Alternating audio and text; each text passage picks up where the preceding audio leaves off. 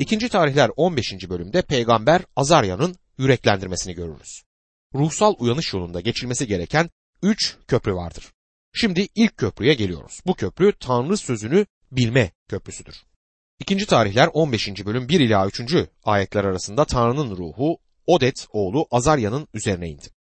Azarya kral Asa'ya gidip şöyle dedi. Ey Asa, ey Yahuda ve Benyamin halkı, beni dinleyin. Rab'le birlikte olduğunuz sürece o da sizinle olacaktır. Onu ararsanız bulursunuz ama onu bırakırsanız o da sizi bırakır. İsrail halkı uzun süre gerçek Tanrı'dan, eğitici kahinlerden ve yasadan uzak yaşadı. Günümüzde kiliselerde yeterli kutsal kitap öğretisinin olmaması işin trajik kısmını oluşturmaktadır. Daha fazla vaize ihtiyacımız olmadığını içtenlikle söylemek istiyorum. Onları muz gibi düzinelerle alabilirsiniz. Kutsal kitap öğretmenleri azdır ve kutsal kitabı öğretenlere ihtiyacımız çok. Asa'nın döneminde de onlara ihtiyaç vardı. Onlara öğreten bir kahinleri yoktu. Kahinler ve leviller vardı ama öğretmiyorlardı. Diz boyu kahinler ve leviller vardı ama öğreten bir kahinleri yoktu. Sonuç olarak yasasız kaldılar. Tanrı sözünden mahrum kaldılar. İkinci tarihler 15. bölüm 4. ayette ama sıkıntıya düştüklerinde İsrail'in tanrısı Rab'be döndüler, onu arayıp buldular diyor. İşte çok yalın ve bir o kadar da karışık bir durum. Dostum Tanrı ile iş yapmak istiyorsanız, Tanrı sizinle iş yapmak isteyecektir. İnsanların çalışmaya gayret ediyorum, dua etmeye çalışıyorum, bunu yapmak için gayret ediyorum ama bir yere varamıyorum dediklerini işitiyorum. Dostum kimseyi kandıramazsınız. Böyle söylediğiniz zaman Tanrı'yı yalancı çıkardığınızı size söylemek isterim. Size verecek bir haberim var. Tanrı yalancı değildir. Tanrı beni ararsanız ben buradayım der. Tanrı ile iş yapmak isterseniz Tanrı sizinle iş yapmak isteyecektir. Yüreğinizi araştırmanızı öneririm dostum. Tanrı'nın sözünü gerçekten bilmek isterseniz Tanrı sizinle hazır olduğunuz herhangi bir zamanda buluşmaya hazırdır. İkinci tarihler 15. bölüm 5 ila 7. ayetler arasında o günlerde yolcuların güvenliği yoktu. Çünkü çevre ülkelerde yaşayanların tümü büyük kargaşa içindeydi. Ulus ulusu kent kenti ezmeye çalışıyordu. Çünkü Tanrı onları çeşitli sıkıntılarla tedirgin ediyordu. Ama siz güçlü olun, cesaretinizi yitirmeyin. Yaptıklarınızın karşılığını alacaksınız diyor Tanrı sözü. Asa Tanrı'ya dönmeye başlamıştır. Bu peygamber onu bu durumda yüreklendirir ve neden bu kadar çok sorunları ve dertleri olduğunu da ona açıklar. Şimdi peygamberin mesajının Yahuda'ya olduğu kadar bizim için de geçerli olduğunu düşündüğümü söylemek isterim. Yetkiden bahsetmiyorum ama Tanrı'nın sözünü çalışınca ve onun burada bu insanlarla nasıl uğraştığını görünce insanoğlunun sorunlarının kökünün aynı olup olmadığını merak ediyorum. Akıllı gençler gelişmiş ülkelerin merkezlerindeler ve aptalca kararlar veriyorlar. Böylesine akıllı gençler nasıl olur da böyle aptalca kararlar verebilir? Neden düzeni sağlayamıyoruz? Neden barışa sahip olamıyoruz? Bugün neden böyle bir yasasızlık var? Tanrı'nın sözüne dayalı şu sözleri söylemek isterim. Tanrı bırakılmıştır. Akıllı gençleri olduğu için Tanrı'ya ihtiyaçları olmadığını düşünen toplumlar var. Dostum yaşadığımız şu saatte ulusların Tanrı'ya ihtiyacı var. İkinci tarihler 15. bölüm 8. ayette Asa bu sözleri peygamber Odet'in oğlu Azarya'nın peygamberliğini duyunca cesaret buldu. Yahuda ve Benyamin topraklarından Efraim'in dağlık bölgesinde ele geçirdiği kentlerden iğrenç putları kaldırdı. Rabbin tapınağının eyvanının önündeki Rabbin sunağını onardı. Efraim'den, Maneşya'dan, Şimon'dan gelen birçok İsrailli Tanrısı Rabbin Asa'yla birlikte olduğunu görünce onun tarafına geçti. Asa bu gelenlerle Yahuda ve Benyamin halkını bir araya topladı diyor. Tanrı'ya dönenler daima olacaktır dostum. İkinci tarihler 15. bölüm 10 ila 12. ayetler arasında Asa'nın krallığının 15. yılının 3. ayında Yaruşilim'de toplandılar. Yağmalamış oldukları hayvanlardan 700 sığırla 7000 davarı o gün Rab'be kurban ettiler. Bütün yürekleriyle, bütün canlarıyla atalarının tanrısı Rab'be yönelmek için antlaşma yaptılar diyor. Fark ettiğiniz gibi bu insanlar ilk köprüyü geçiyorlar. Dolan başlı yollardan gitmeye çalışmıyorlar. Tanrı'nın sözünün öğretişine geldiler. Tanrı'ya dönüyor ve onu bütün yürekleri ve canları ile arıyorlar. Bu ruhsal uyanışın her birinin niteliğini göstermektedir. Tanrı'nın sözüne burada dönüş vardı. Tanrı'nın sözüne dönüş olmadan ruhsal bir uyanışın olmadığını söyleyecek kadar cesaretim var. Kutsal kitabın etrafında dolan başlı bir yol yoktur. Onun yerini tutabilecek hiçbir şey yoktur. John Wesley'in zamanındaki büyük ruhsal hareket Tanrı'nın sözü etrafında dolaşmaktaydı dostum. Wesley kutsal kitabı her sabah üç dilde okudu. Modey ve zamanındaki bütün ruhsal uyanış, bütün kutsal kitap enstitüsü hareketine kadar gitmiştir. Bu enstitü Tanrı'nın sözünün çalışıldığı en büyük hareketlerden biridir. Ama günümüzde ölüyor. Neden? Çünkü Tanrı'nın sözünden uzaklaşıyorlar. Tanrı'nın sözünü yüzeysel olmanın ötesinde bilmemiz gerekir. Doğru sözcüklerden oluşan sunni bir kelime haznesinden çok daha fazlasına ihtiyacımız var. Ruhsal uyanış eyleme, hizmete ya da yönteme bağlı değildir. Tanrı sözünün bilinmesini ve sevilmesini gerektirir. Çağımızda Tanrı'nın kullandığı hareketler ve müjde hareketleri var. Ama ben bu çalışmaları Tanrı'nın sözüne dayalı yapmadıkları için rahatsızlık duyuyorum. Bu hareketleri ve Tanrı'nın sözünü çalışan bazı okullarımızı bile anlamakta güçlük çekiyorum. Dostum gerçek bir ruhsal uyanışı kutsal kitap bilgisine dayanmadığı takdirde yaşayamayız. Ruhsal uyanışın gelmesini umuyorum. Bunun yoldaki ilk köprü olduğuna inanıyorum. Bu ilk köprüyü geçmemiz gerekmektedir. Asa'nın Yaruşilim'de hazırlamış olduğu bu büyük toplantıda Tanrı'yı bütün yürekleriyle arayacaklarına dair söz verdiler. İkinci tarihler 15. bölüm 13 ve 14. ayetlerde büyük küçük kadın erkek kim İsrail'in tanrısı Rabbe yönelmezse öldürülecekti. Yüksek sesle bağırarak, borazan ve boru çalarak Rabbin önünde ant içtiler diye yazar. Bu oldukça serttir ama halkın yüreğinden gelen bir karşılık vardı. Asa bu dönemde birçok reforma imza attı. Dostum Rabbi bütün yüreğinizle ararsanız o kendisini size bulduracaktır. Ruhsal uyanışa giden yolda geçilmesi gereken ilk köprünün Tanrı'nın sözünü bilmeden geçtiğini gördük. Şimdi ruhsal olan ikinci köprüye geliyoruz. Bu ayrılık köprüsüdür. Ayrılık sözcüğü imanların çevresinde en çok kötüye kullanılan sözcüklerden biridir. Asa burada ruhsal ayrılığı vurgulamaktadır. İkinci tarihler 15. bölüm 16. ayette kral Asa annesi Maaka'nın kraliçeliğini elinden aldı. Çünkü o Aşera için iğrenç bir put yaptırmıştı. Asa bu iğrenç putu kesip parçaladıktan sonra Kidron vadisinde yaktı. Bu gerçekten ilginç bir durumdur. Bizzat kendi annesi putperestlikle uğraşmaktaydı. Yalnızca putperestlerin bir arkadaşı olmayıp bizzat putperest olduğuna dikkat ediniz.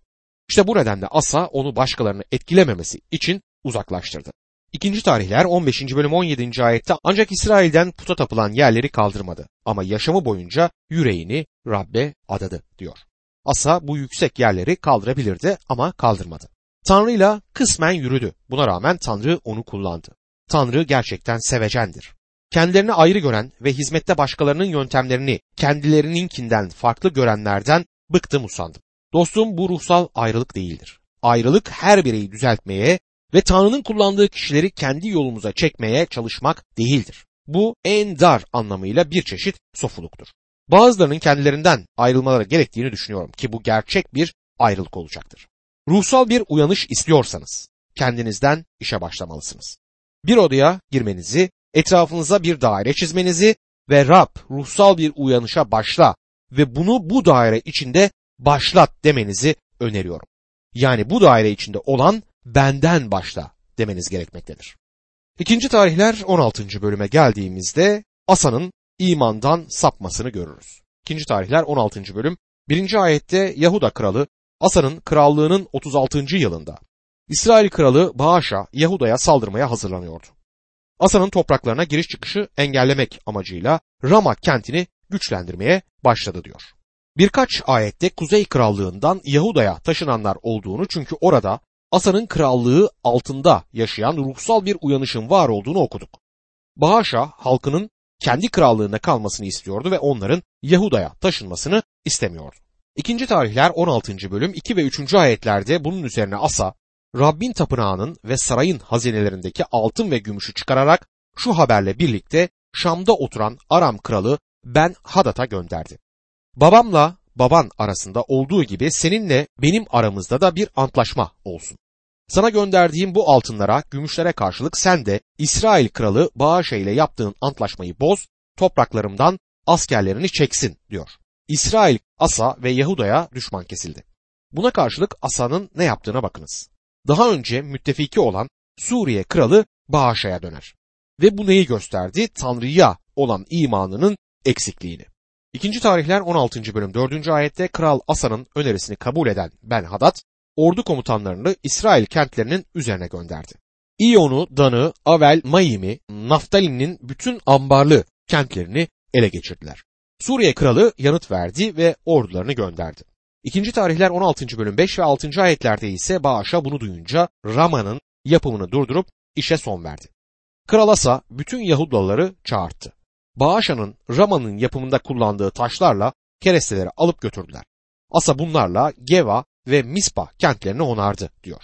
Manevra başarılıydı ama Rabbin şimdi Asa'ya söyleyeceği bir sözü var. İkinci tarihler 16. bölüm 7 ila 9. ayetler arasında o sırada bilici Hanani Yahuda kralı Asa'ya gelip şöyle dedi.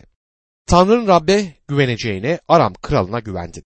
Bu yüzden Aram kralının ordusu elinden kurtuldu. Kuşlularla Lullular çok sayıda savaş arabaları, atlarıyla büyük bir ordu değil miydiler? Ama sen Rab'be güvendin. O da onları eline teslim etti. Rabbin gözleri bütün yürekleriyle kendisine bağlı olanlara güç vermek için her yeri görür. Akılsızca davrandın. Bundan böyle hep savaş içinde olacaksın. Tanrı Asa'yı azarlamak için ona neden bir peygamber gönderdi? Tanrı Asa'yı neden yargılar? İmanının eksikliğinden dolayı. Ruhsal uyanış için geçmemiz gereken üçüncü köprü yöntemlerse insana, kiliseye, sisteme ya da organizasyona güvenmeye değil, bu Tanrı'ya imandır. Ruhsal uyanış Tanrı'ya iman etmeyi gerektirir. Bağışa iç savaşta Asya'ya karşı gelince Asa eski düşmanı Suriyeli Ben Hadad'a döndü. Haneni ona Tanrı'nın onu kurtaracak her kanıta sahip olduğunu anımsatmaktadır. Tanrı onu Etiyopyalıların, Lubimlerin elinden kurtarmıştı. Buna rağmen bu kriz anında Asa imanının eksikliğini göstermektedir. Bizi kurtaran bir iman eylemi olmasına karşın yaşamın kurtulduğumuz zaman sona ermediğini anlamamız gerekiyor. İmanla aklanma, İsa Mesih'e iman ettiğimiz an bizi kurtarır. Dostum imanla yaşamalıyız. Pavlus Romalı imanlara şöyle yazar. Romalılar 1. bölüm 16 ve 17. ayetlerdi. Çünkü müjdeden utanmıyorum. Müjde iman eden herkesin, önce Yahudilerin sonra Yahudi olmayanların kurtuluşu için Tanrı gücüdür. Tanrı'nın insana akladığı müjdede açıklanır. Aklanma yalnızca imanla olur. Yazılmış olduğu gibi imanla aklanan yaşayacaktır. Tanrı'nın insanı aklaması ya da Tanrı'nın adaleti ne anlama gelir? Bu imanla kurtulduğumuz ve imanla yaşamamız gerektiği anlamına gelmektedir. Hanani Asa'ya Rabbin gözleri bütün yürekleriyle kendisine bağlı olanlara güç vermek için her yeri görür diyor.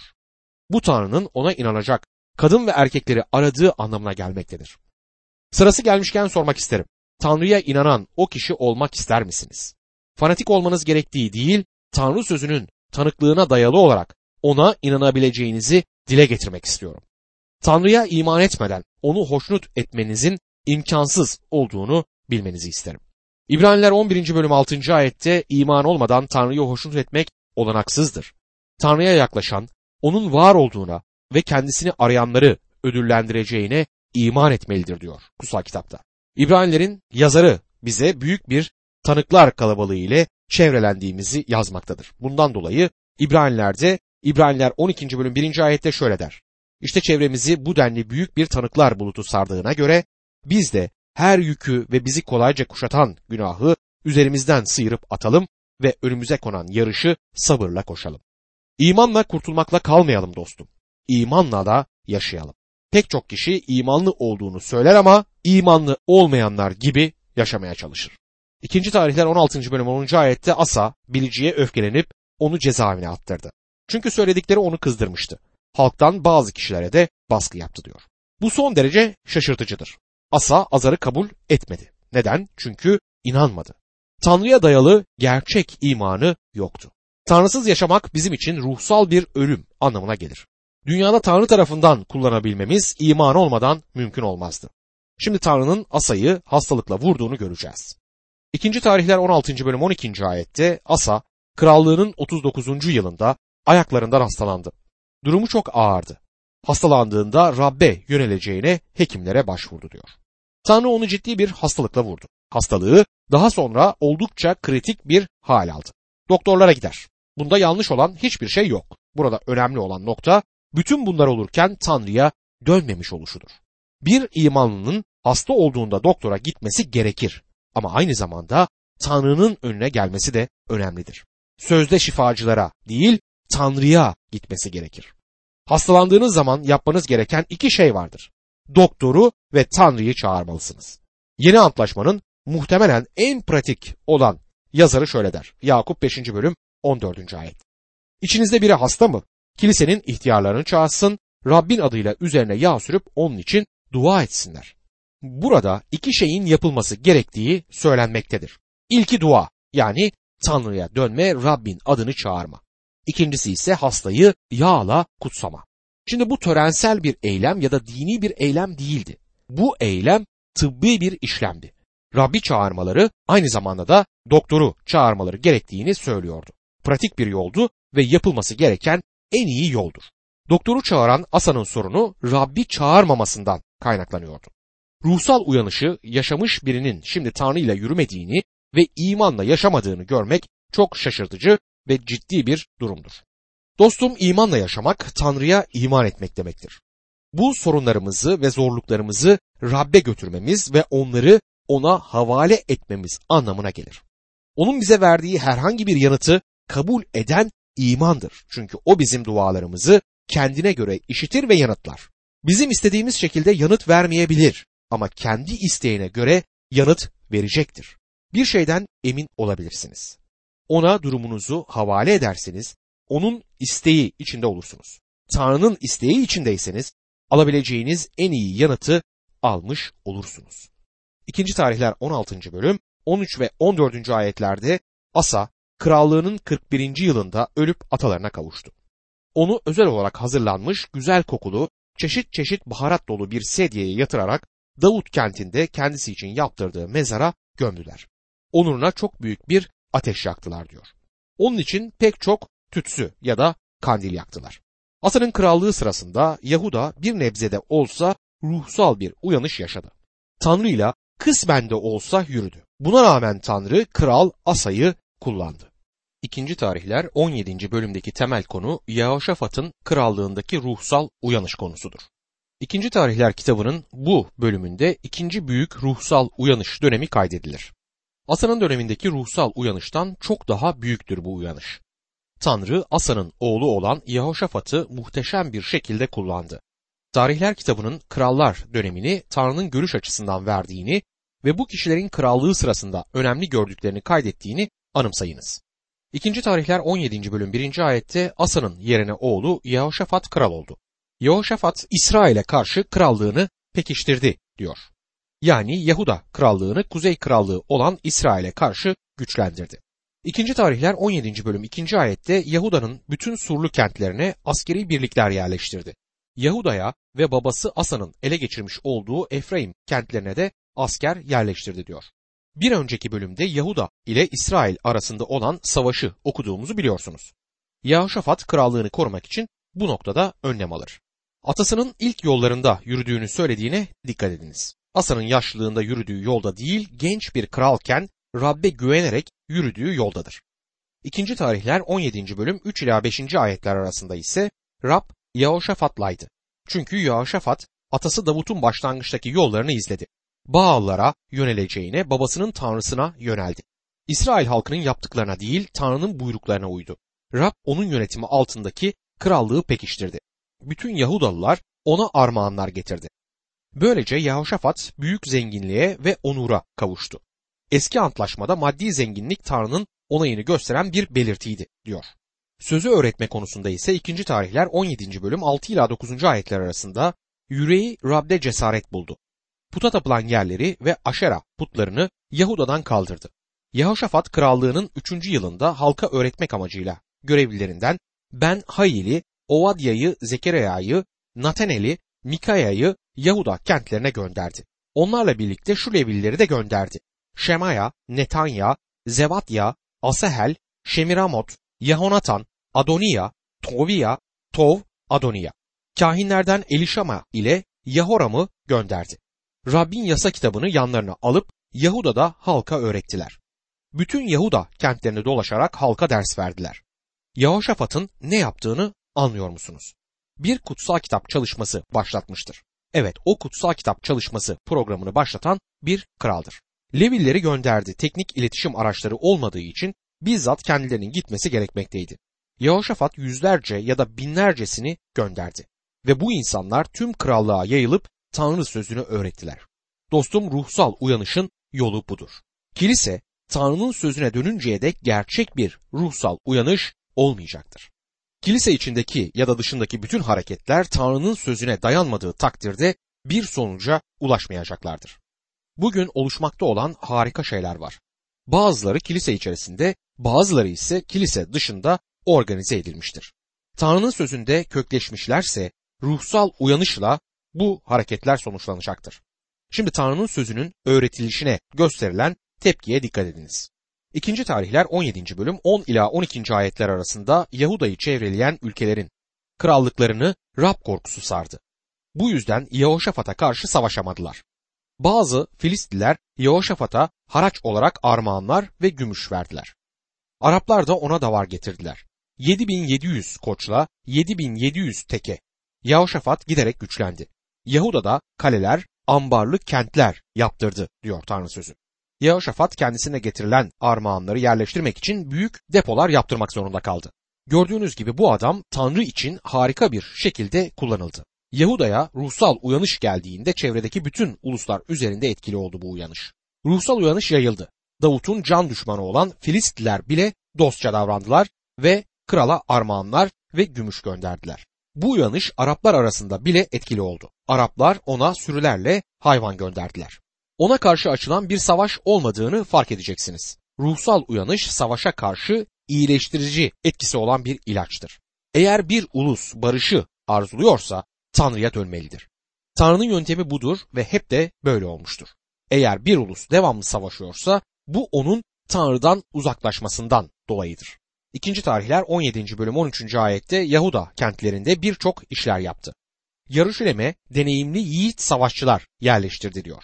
Bu bir barış zamanıydı ama Yehoşafat'ın güvenlik için hazır tuttuğu bir ordusu vardı. Komutanların adları sonraki ayetlerde liste halinde verilir. Yehoşafat büyük bir kraldı. Düşmanın herhangi bir saldırısına karşı gerekli güvenliği aldı ama Tanrı ona barış verdi. İkinci tarihler 17. bölüm 19. ayette bunlar kralın Surlu Yahuda kentlerine yerleştirdiği askerlerin yanı sıra ona hizmet ediyorlardı diyor. Yehoşafat her açıdan büyük biridir. Ama şimdi onu neredeyse inanılmaz bir şeyi yaparken görürüz. İkinci tarihler 18. bölümde Yehoşafat'ın Ahav'la ittifakını görmekteyiz.